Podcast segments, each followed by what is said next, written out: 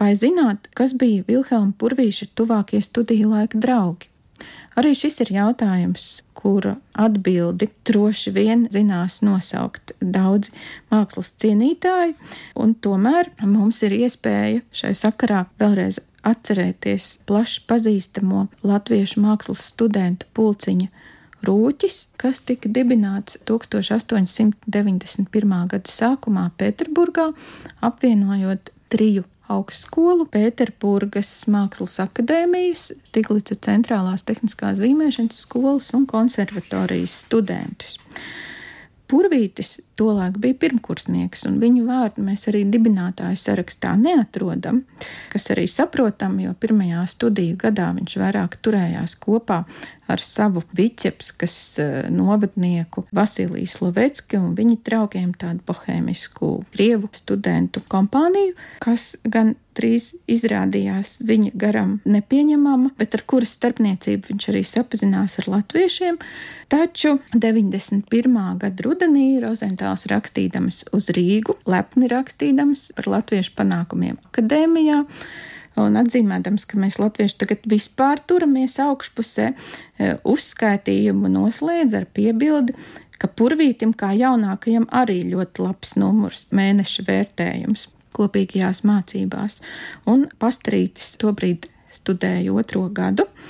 Un, uh, tomēr viņš jau drīz šajā lokā kļuva vecākiem biedriem līdzās par ļoti būtisku personību. Un sevišķi cieša saikne viņam studiju gados bija izveidojusies ar Ādamu Alksni, kas bija astoņus gadus vecāks, un pēc daudziem gadiem Purvītis par Alksni atcerējās. Viņš mums daudz teica, daudz pamācīja, bet darīja to bez kāda pārākuma, neuzbāzīgi, it kā starp citu piezīmēdams.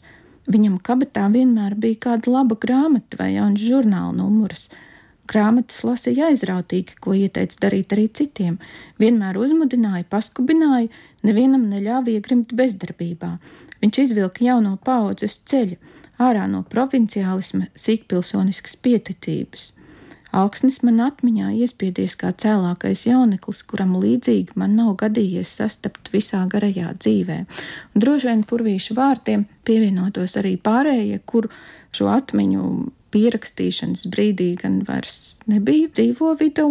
Augsne viņa, kā zināms, zaudēja ļoti agri un sāpīgi, jau 1897. gadā pēc neveiksmīgas deguna operācijas, un, protams, šis zaudējums arī noteikti lika draugiem savā starpā daudz ko pārvērtēt un iekšēji apņemties turpināt viņa iedvesmotos centienus arī savā dzīvē un mākslā.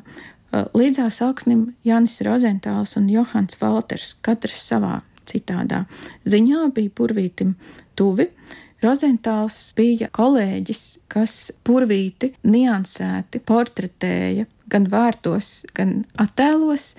Arī viens no pirmajiem plaši popularizētams viņa mākslu latviešu sabiedrībā, turklāt ne tikai latviešu lasītājiem, bet arī vācu lasītājiem. Viņš rakstīja par purvīti, un arī mums ir saglabājušies vairāki izteiksmīgi, ļoti dažādi rozentāla glaznoti purvīša portreti.